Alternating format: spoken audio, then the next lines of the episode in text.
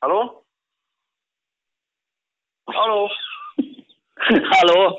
Vad, är, vad gör du? Det är det som är, du har, när du ringer så har du alltid liksom två, tre samtal på gång vid sidan av.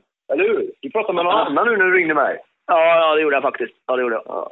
Hur läget? Ja. Ber om ursäkt. Ber om ursäkt. Eh, jo, det är bra, det är bra, det är bra. Jag har som sagt varit och grejer med, men eh, hur är det med dig då? Hör, du- hör du det som puttrar på spisen här? Jag ska prata lite högt. Hör du?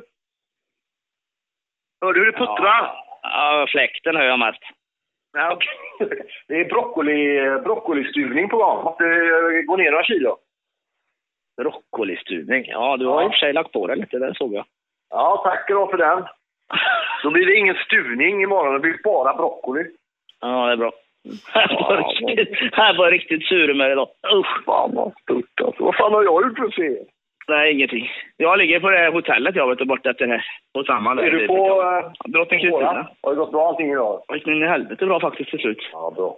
Det gäller det. Nu har vi tredje delen av Öppet hjärta här framför oss då, eh, onsdag. Med Linda Lampenius. Lite kort, vad tyckte du om mötet som skulle börja med när jag träffade henne? Mm, Väldigt trevligt och spännande. Det var, var en överraskning får jag säga. Jag trodde inte att det fanns så mycket i den eh, Lilla kroppen. människan och livet, höll jag på att säga. Men eh, nej, det var mer än vad jag hade tänkt mig. Så att, eh, det var en överraskning. Så jag tror jag kan nog överraska, överraska fler. För det, det var lite att berätta den. Hade hoppats att jag skulle kunna uttrycka det på ett bättre sätt, men eh, jag tror faktiskt inte jag kan det. Jag håller helt med. Det var verkligen att man blev... Jag menar, det är ju våra fördomar, eller mina åtminstone. Jag tänkte väl att hon är en snygg violinist som kommer, men att hon hade ett sånt djup och att hon hade så mycket ilska i sig, och så mycket känslor. Och, och hon berättade ju bland annat om hon bodde ju på eh, Playboy Mansion där med han... Eh, vet han eh, Har hon legat på honom eller inte får vi också reda på. Det får vi ju reda på, ja. Hon hade ju ett eget rum på Playboy Mansion.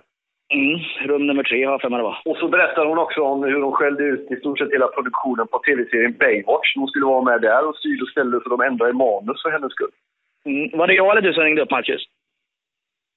Förlåt?